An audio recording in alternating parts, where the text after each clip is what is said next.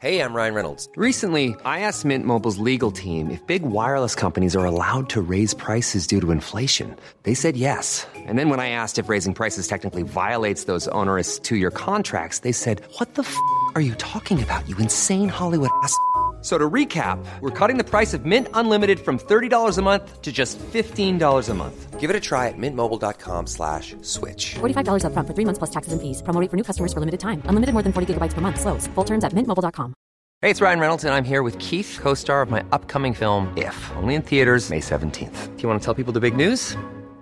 All right, I'll do it. Sign up now and you'll get unlimited for $15 a month in six months of Paramount Plus Essential Plan on us. mintmobile.com slash switch. Upfront payment of $45 equivalent to $15 per month. Unlimited over 40 gigabytes per month. Face lower speeds. Videos at 480p. Active Mint customers by 531.24 get six months of Paramount Plus Essential Plan. Auto renews after six months. Offer ends May 31st, 2024. Separate Paramount Plus registration required. Terms and conditions apply if rated PG. I'm Sandra, and I'm just the professional your small business was looking for. But you didn't hire me because you didn't use LinkedIn jobs. LinkedIn has professionals you can't find anywhere else, including those who aren't actively looking for a new job but might be open to the perfect role, like me. In a given month, over 70% of LinkedIn users don't visit other leading job sites. So if you're not looking on LinkedIn, you'll miss out on great candidates like Sandra. Start hiring professionals like a professional. Post your free job on linkedin.com/people slash people today.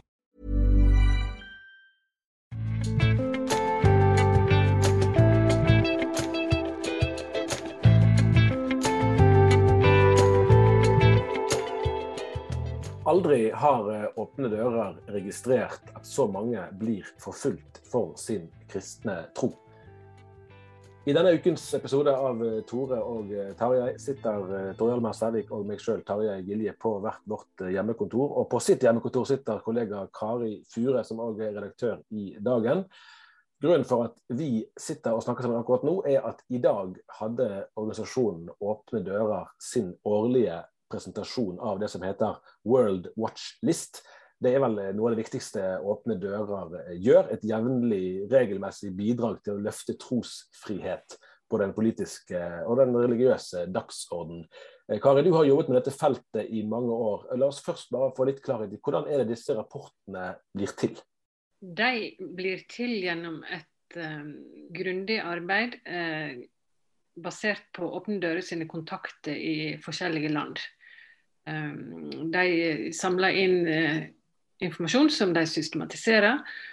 Og de viser en stor åpenhet om eh, metodikken sin da, i den rapporten som blir lagt fram, sånn at en kan se hva eh, tallene hviler på. Sånn, når de lager denne lista som de er særlig eh, kjent for, da, denne forfølgelseslista over verdens 50 verste kristenforfølgende land, um, så er ikke det bare synsing og tatt ut av løse lufta. Det bygger på et veldig grundig arbeid.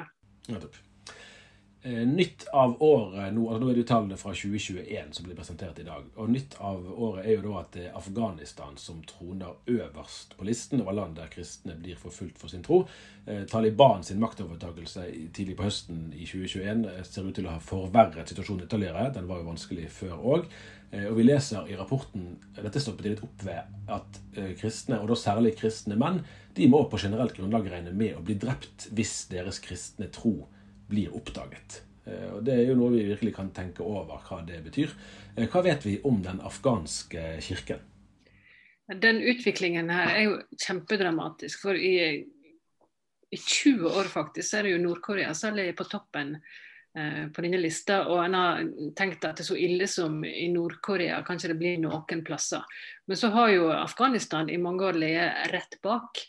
Eh, og Åpne dører sjøl omtaler det som skjedde i august i fjor som en game changer eh, for kvinnene i Afghanistan, for eh, etniske minoriteter, for religiøse minoriteter og da for den bitte lille kristne undergrunnskirka som er i landet.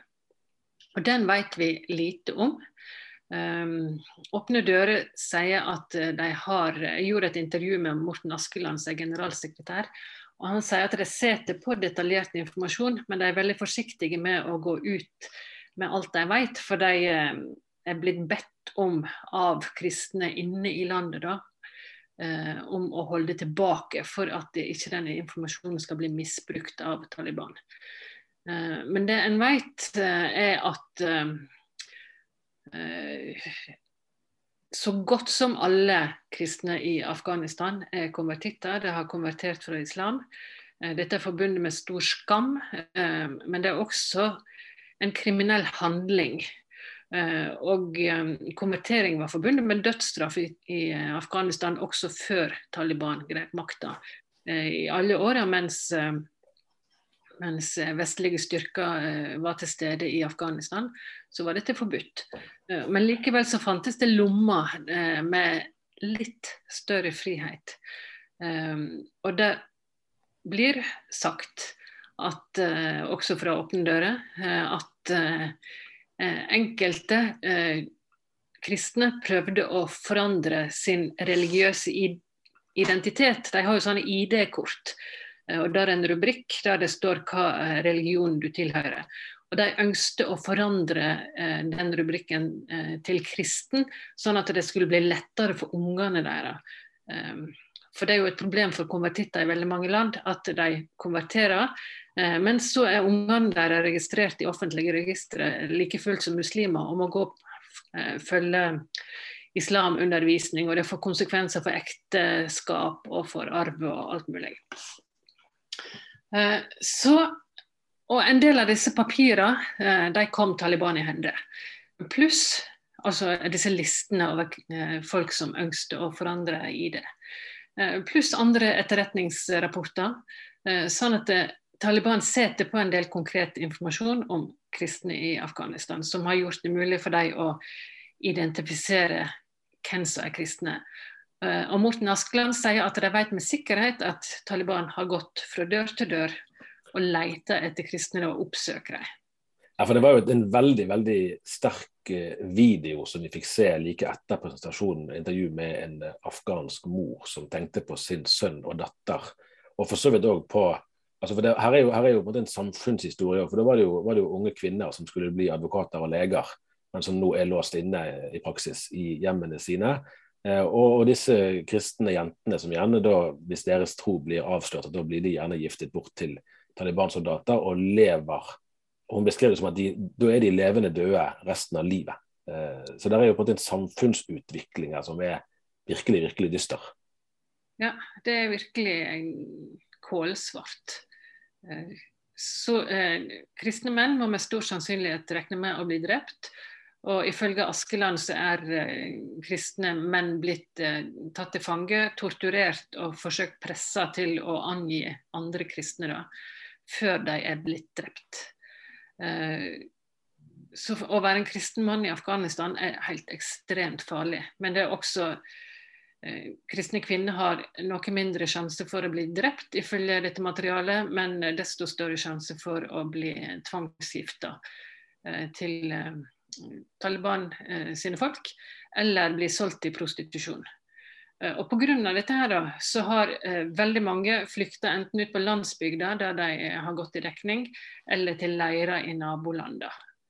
Eh, og så er jo den ulykkelige situasjonen at eh, disse nabolandene er jo ikke akkurat noen trygg havn. Eh, alle landene står på Åpne dører sin liste, eh, så trosfriheten blir jo ikke respektert der heller. Så det, afghanerne, De kristne afghanerne er på ingen måte kommet i trygghet, selv om de har kommet seg over grensa til et naboland. Nei, og der, altså, for, altså, Religionsforfølgelse henger jo til en viss grad sammen med den generelle politiske situasjonen i et land. Og Her kan det jo være trekk, og det blir jo påpekt fra åpne dører, at det som skjer i Afghanistan, der Taliban eh, altså, i hermetegn får lov til å ta over makten og, og, og, kan gjøre det som vi nettopp snakket om nå, eh, at det kan eh, spres. da, At nettopp disse nabolandene ser at oi, Taliban kan gjøre det, da kan vi òg gjøre det. Ja.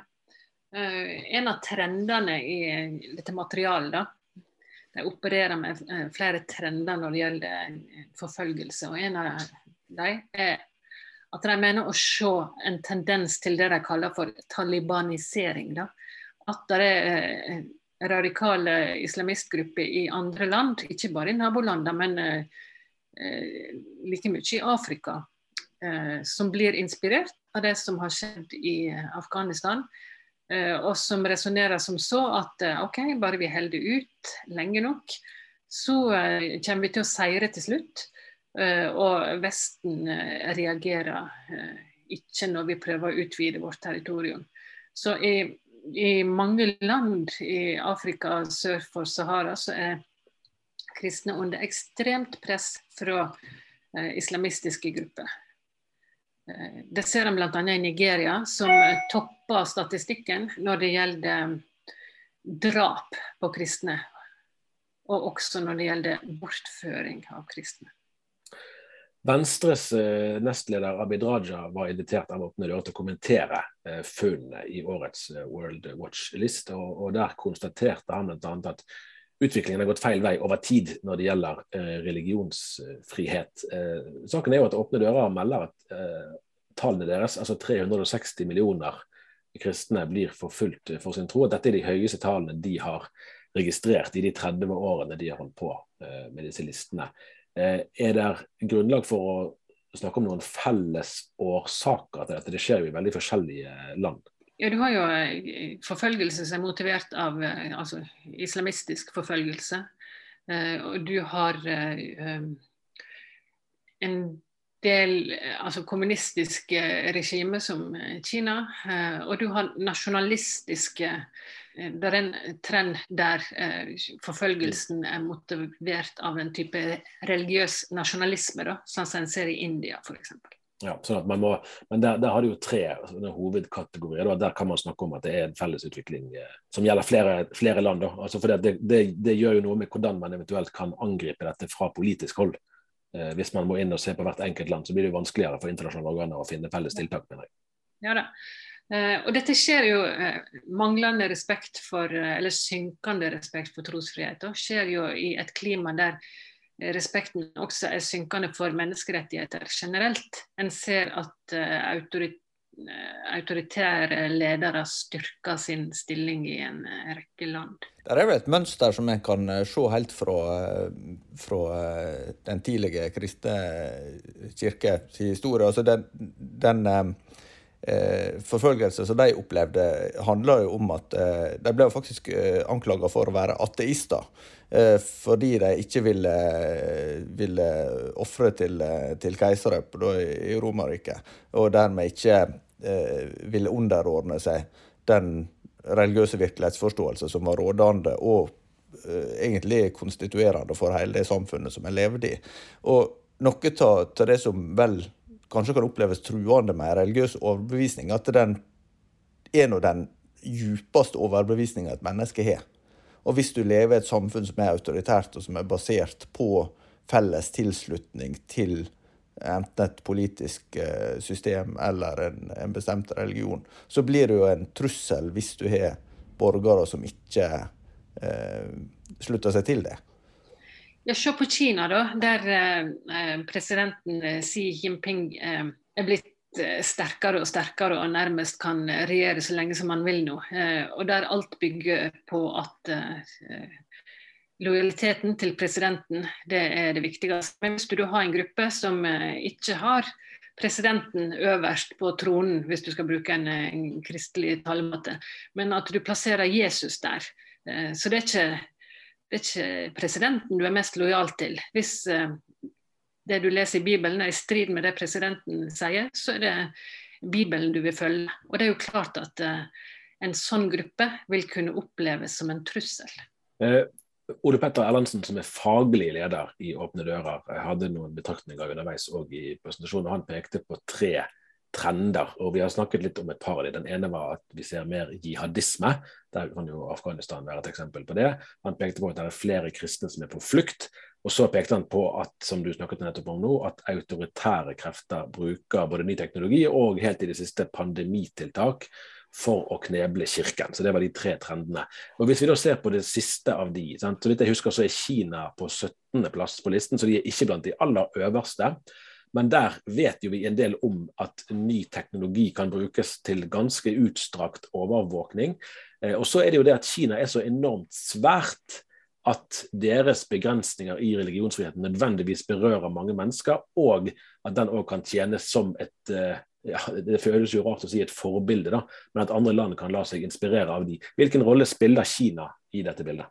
Det er jo veldig vanskelig å si, men eh, de går jo helt tydelig foran da, i konkurransen om å bry seg minst mulig om, eh, om trosfriheten. Eh, og de har, eh, Der er kommet en rekke uttalelser som viser at de ser på kristne som en trussel.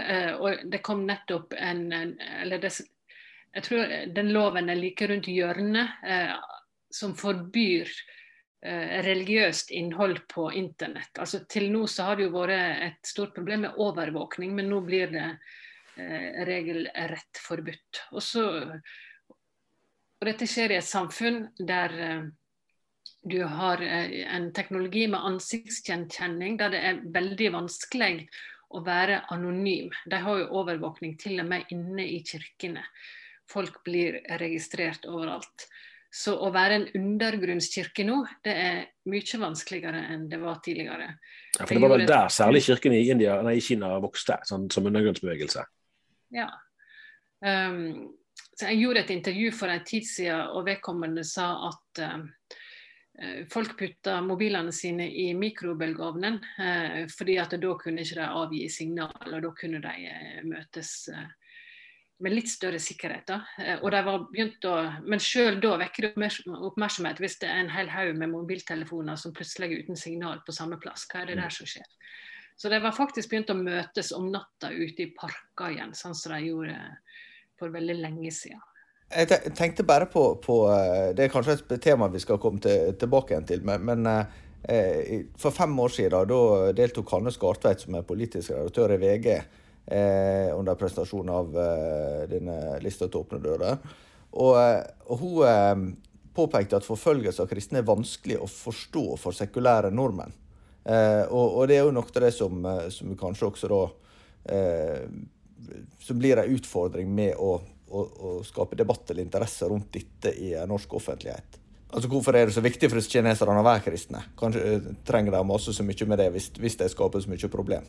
Dette med forfølgelse for, av kristne var lenge vanskelig å mobilisere noe særlig interesse for, fordi at en så på eh, En hadde et type verdensbilde der vestlige kristne var eh, undertrykkere, altså hvis du ser på kolonitider og sånn. Så en var vant til å se på kristne som de som hadde makt, og som undertrykte andre. Og da å ta inn over seg at bildet har snudd, noen plasser snudd fullstendig, eh, det har vært vanskelig. Men det har vært en økende interesse og forståelse for temaet. Eh, det ser vi på det faktum at eh, de to organisasjonene som jobber for det her til lands, Åpne dører og Stefanusalliansen, har har gått veldig fram og samla inn ganske betydelig med penger. Eh, så dette treffer tydeligvis en nerve, i alle fall i kristenfolket. Men de har også vært flinke til å gjennom sitt seriøse arbeid begge to, til å få gehør eh, politisk. Og så kan en jo si at i et sekulært eh, samfunn så, så, er det likevel vanskelig for folk å skjønne hva som er vitsen med, med tru i det hele tatt, og hvorfor er dette her noe som eh, som skal spille så stor rolle. Og er ikke egentlig andre menneskerettigheter mye viktigere. Apropos det, så, så, er jo en annen stor eh, internasjonal aktør eh, India. Eh, sånn, det, de skrev jo du, Kari, om det var vel i forrige uke, om, om en tiltakende vi må jo si negativ utvikling. Utenrikspolitisk forsker og Nobelkomitémedlem Asle Toje var òg med i presentasjonen og trakk frem nettopp India, der det er en politisk styrt eh, vi kan vel kalle det hinduisering, eh, kanskje fra landets øverste politiske ledelse. Og Der er det i hvert fall ikke bare det at du kan si at noen ganger blir kanskje kristne indirekte ofre for en politisk utvikling som i og for seg kan handle om andre, andre ting, altså andre politiske konflikter. Her er det helt klart styrt undertrykkelse av religiøse minoriteter. Og da er det ikke menneskerettighetene som, rår grønn, akkurat. Nei. Dette gikk jo inn i den trenden som uh, handler om religiøs nasjonalisme, altså en tankegang om at uh, om ett land, eh, ett folk, en religion. Og Du ser jo noe av det samme i Tyrkia f.eks. Mm. Eller i Iran, eller i en rekke andre land. Eller i Russland. Der den russisk-ortodokse kirke står veldig sterkt og har tette bånd til statene. Men i India så har dette her utarta. Der er en en hindu-nasjonalistisk eh, bevegelse, eh, veldig voldelig, som har fått økende oppslutning. Og som gjør livet svært vanskelig både for eh, den muslimske minoriteten og for kristne. Og noen av de som sist, som sist ble rammet av dette, var jo organisasjonen som ble grunnlagt av nobelprisvinneren moder Teresa. Mm. Som ikke fikk lov å motta økonomisk støtte fra utlandet. Og det var jo enorme summer de da ville gå glipp av, som de trong eh, i det store arbeidet som de driver blant utstøtte. Så tanken er jo da at eh, for at du skal være en god inder, så bør du være hindu. Og dette har jo eh, statsminister Modi og hans parti eh, også fyrt opp under. da. Eh, Modi er utsatt for ganske ram kritikk for at uh, han har spilt på disse strengene her. Hvis vi prøver å ta dette hjem på et vis, da, så, så ser vi jo visse tilløp til at, at man prøver å ja, F.eks. var det jo nylig en rapport som beskrev Sverige som et verstingland Eh, når det gjaldt behandlingen av kristne i vår del av verden. Da gikk de bl.a. på samvittighetsfriheten, bl.a. for helsepersonell i forbindelse med, med, med medvirkning til abortinngrep. Eh, det har vært undersøkelser om eh, jobbsøkere som har mindre sjanse for å bli kalt inn på intervju hvis det fremkommer i CV-en deres at de er kristne. Samtidig så er det jo helt åpenbart at uh, forskjellene mellom uh, forholdene for kristne i våre land og i de landene vi har snakket om nå, er, ganske store. Uh, I hvilken grad, eller Hvordan tenker du at det gir mening å snakke om disse tingene med Norge eller Skandinavia som referanseramme? Jeg tenker at en skal være ytterst forsiktig med å snakke om forfølgelse av kristne i våre land. Det er nesten useriøst. Eh, men en kan godt si at det er en utvikling som er bekymringsfull når det gjelder respekt for trosfrihet. Og forståelse for at eh, trosfrihet er viktig i et menneske sitt liv. Trosfrihet blir jo regna som en av de helt grunnleggende personlige frihetene. Eh, altså retten til å tro og mene eh, og følge sin samvittighet det er helt grunnleggende i et menneske sitt liv. Og Hvis du ikke har den friheten, da er du ikke et fritt menneske. Så trosfriheten og ytringsfriheten blir eh, regna som altså grunnmuren i hele systemet med internasjonale menneskerettigheter. Jeg las nettopp eh, en bok som kom ut for en del år siden av Oss Guinness. Han eh, var jo, eh, som eh, kanskje noen av våre faste lyttere vil huske, gjest her i podkasten i eh, fjor. Uh, og han er vel runda 80 i mellomtida nå, men er en som har skrevet mye uh, samfunnsanalyse, kulturanalyse fra et kristent utgangspunkt. Født i Kina, oppvokst i England og bor nå i USA. Uh, og, og, han ga for noen år siden ut boka 'The Global Public Square', som handler om, og, om religionsfrihet og om å gjøre verden eh, trygg for eh, Safe for diversity, som han skriver. da. Eh, og, og, han eh, tar utgangspunkt nettopp i det med soul freedom, som han kaller det. eller, eller Trosfrihet handler om Den gjelder ikke bare religiøse mennesker, men den gjelder rett og slett retten til å ha en overbevisning. Og det han mener at det er, så, det er så viktig å være klar over at den det, En snakker ikke om en slags særinteresse for religiøse mennesker, men du snakker om en helt sånn grunnleggende side ved det å være et fritt menneske. Og trosfrihet, det er jo veldig viktig at uh, trosfrihet, trosfriheten beskytter ikke religioner. Trosfriheten den beskytter uh, enkeltindividet sin rett og frihet til å tro. og da kan du jo snakke, siden du spør om utviklingen her til lands eller i Sverige, Tarjei. Så kan en si at ok, vi kan ikke snakke om forfølgelse av kristne, men vi kan snakke om at utviklingen går feil vei og at eh, det er et problem eh, at det er en minkende forståelse for eh, trosfrihet. Og et trangere rom da, for å stå fram som kristne. Sjansen for å bli latterliggjort eller trakassert eller ikke innkalt på jobbintervju, sånn som det var sagt i Sverige, eh, den har kanskje økt. Men å kalle det forfølgelse vil likevel være å gå for langt. Mm. Men Du har jo vært opptatt av, og det har jo flere vært i, lang tid, at vi må se på dette fra et prinsipielt utgangspunkt. altså For den saks skyld i India så er det jo slett ikke bare de kristne som blir rammet av, av denne måte, hinduiseringen. Det gjelder òg andre religiøse minoriteter.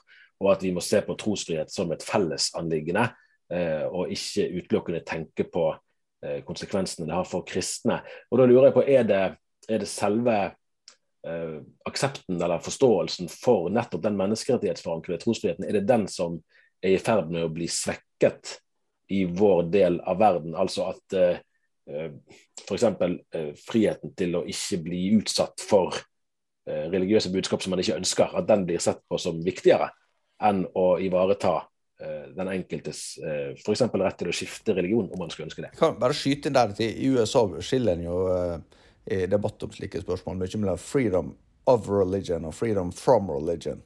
Eh, der vil si at Det er det første du er garantert som amerikaner, at du skal være fri til å ha den eh, religiøse overbevisninga du vil, men du er, ikke, eh, du er ikke fri til å nekte andre å gi uttrykk for sin overbevisning. Altså, du har jo land som er svært sekulære, sånn som Frankrike, der veldig få religiøse uttrykk i det offentlige blir akseptert. Og der er det jo mer i retning av dette å beskytte borgerne fra religion. Og mange vil jo si at det er svært problematisk sånn rent trosfrihetsmessig. da. Uh, og så kan du si at uh, denne bevegelsen som en har sett, uh, som handler om beskyttelse mot å bli krenka, at den representerer også en trussel mot trosfriheten. fordi det er enkelte som føler seg krenka av påstander som er basert i, i en tro. F.eks. hvis noen du, Tori Hjalmar, du kjenner jo godt denne saken i, i Finland for tida. Der en rytter har lest et bibelvers, etter det jeg forstår, og som da er blitt eh, straffeforfulgt etterpå, kanskje? Ja, kan, hun var jo også gjest her i podkasten eh, nå rett før jul, Päivi Resenen.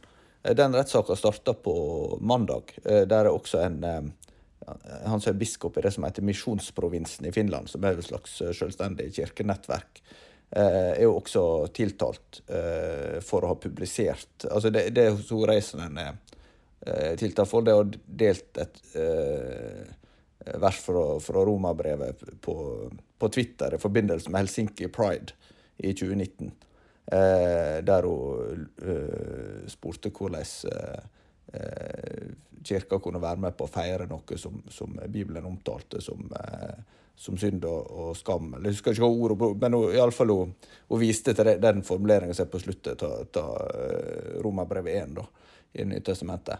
Eh, og så var det også da en pamflett som hun skrev i 2004, som handla om, om eh, tilsvarende tema. Og så var det et, en opptreden i et et eh, TV-program på den eh, finske rikskringkasteren da i 2018 eller noe sånt.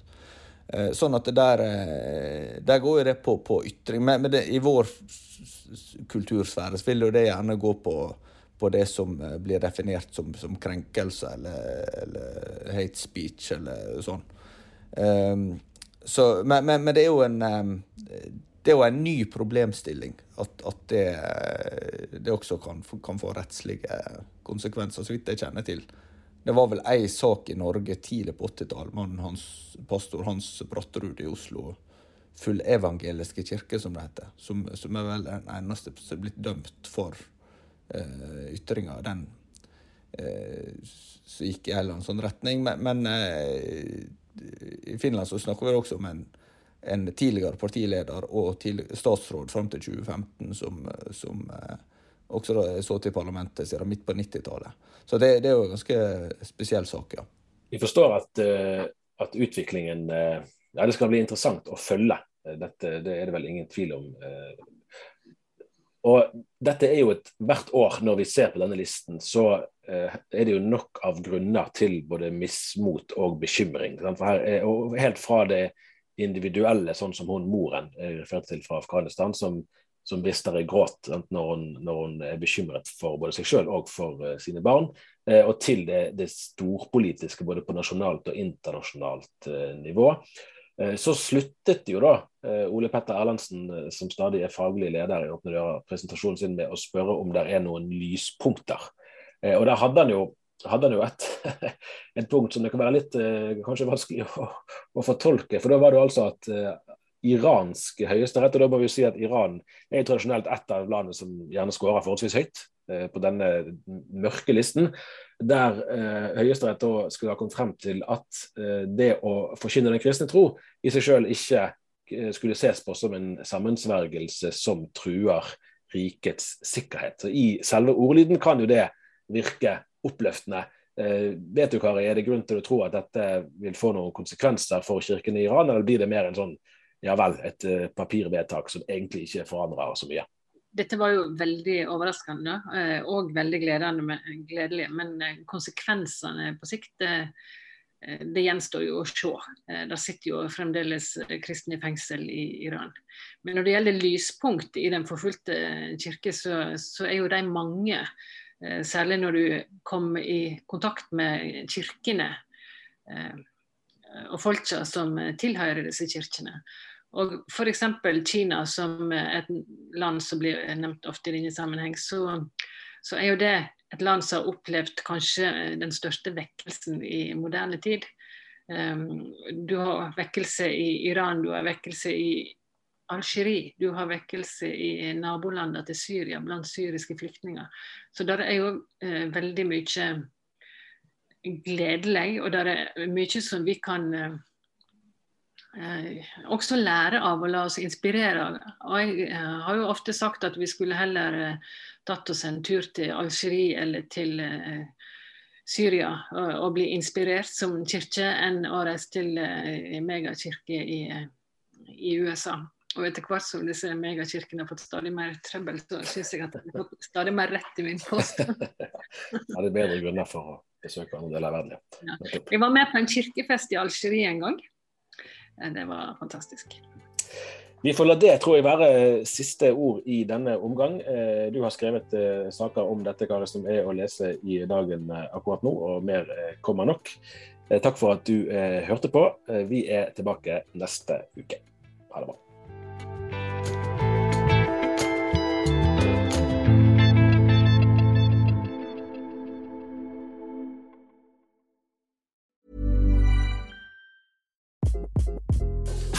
This is Craig Robinson from Ways to Win, and support for this podcast comes from Invesco QQQ, the official ETF of the NCAA. Invesco QQQ is proud to sponsor this episode and even prouder to provide access to innovation for the last 25 years. Basketball has had innovations over the years too. We're seeing the game played in new ways every day. Learn more at Invesco.com slash QQQ. Let's rethink possibility. Investco Distributors, Inc. Even on a budget, quality is non-negotiable. That's why Quince is the place to score high-end essentials at 50 to 80% less than similar brands. Get your hands on buttery soft cashmere sweaters from just 60 bucks, Italian leather jackets, and so much more. And the best part about Quince, they exclusively partner with factories committed to safe, ethical and responsible manufacturing. Elevate your style without the elevated price tag with Quince. Go to quince.com slash upgrade for free shipping and 365-day returns. Hi, I'm Daniel, founder of Pretty Litter. Did you know cats tend to hide symptoms of sickness and pain? I learned this the hard way after losing my cat, Gingy. So I created Pretty Litter, a health monitoring litter that helps detect early signs of illness by changing colors, saving you money and potentially your cat's life. Pretty Litter is veterinarian developed, and it's the easiest way to keep tabs on your fur baby's health right at home. Go to prettylitter.com and use code ACAST for 20% off your first order and a free cat toy. Terms and conditions apply. See site for details.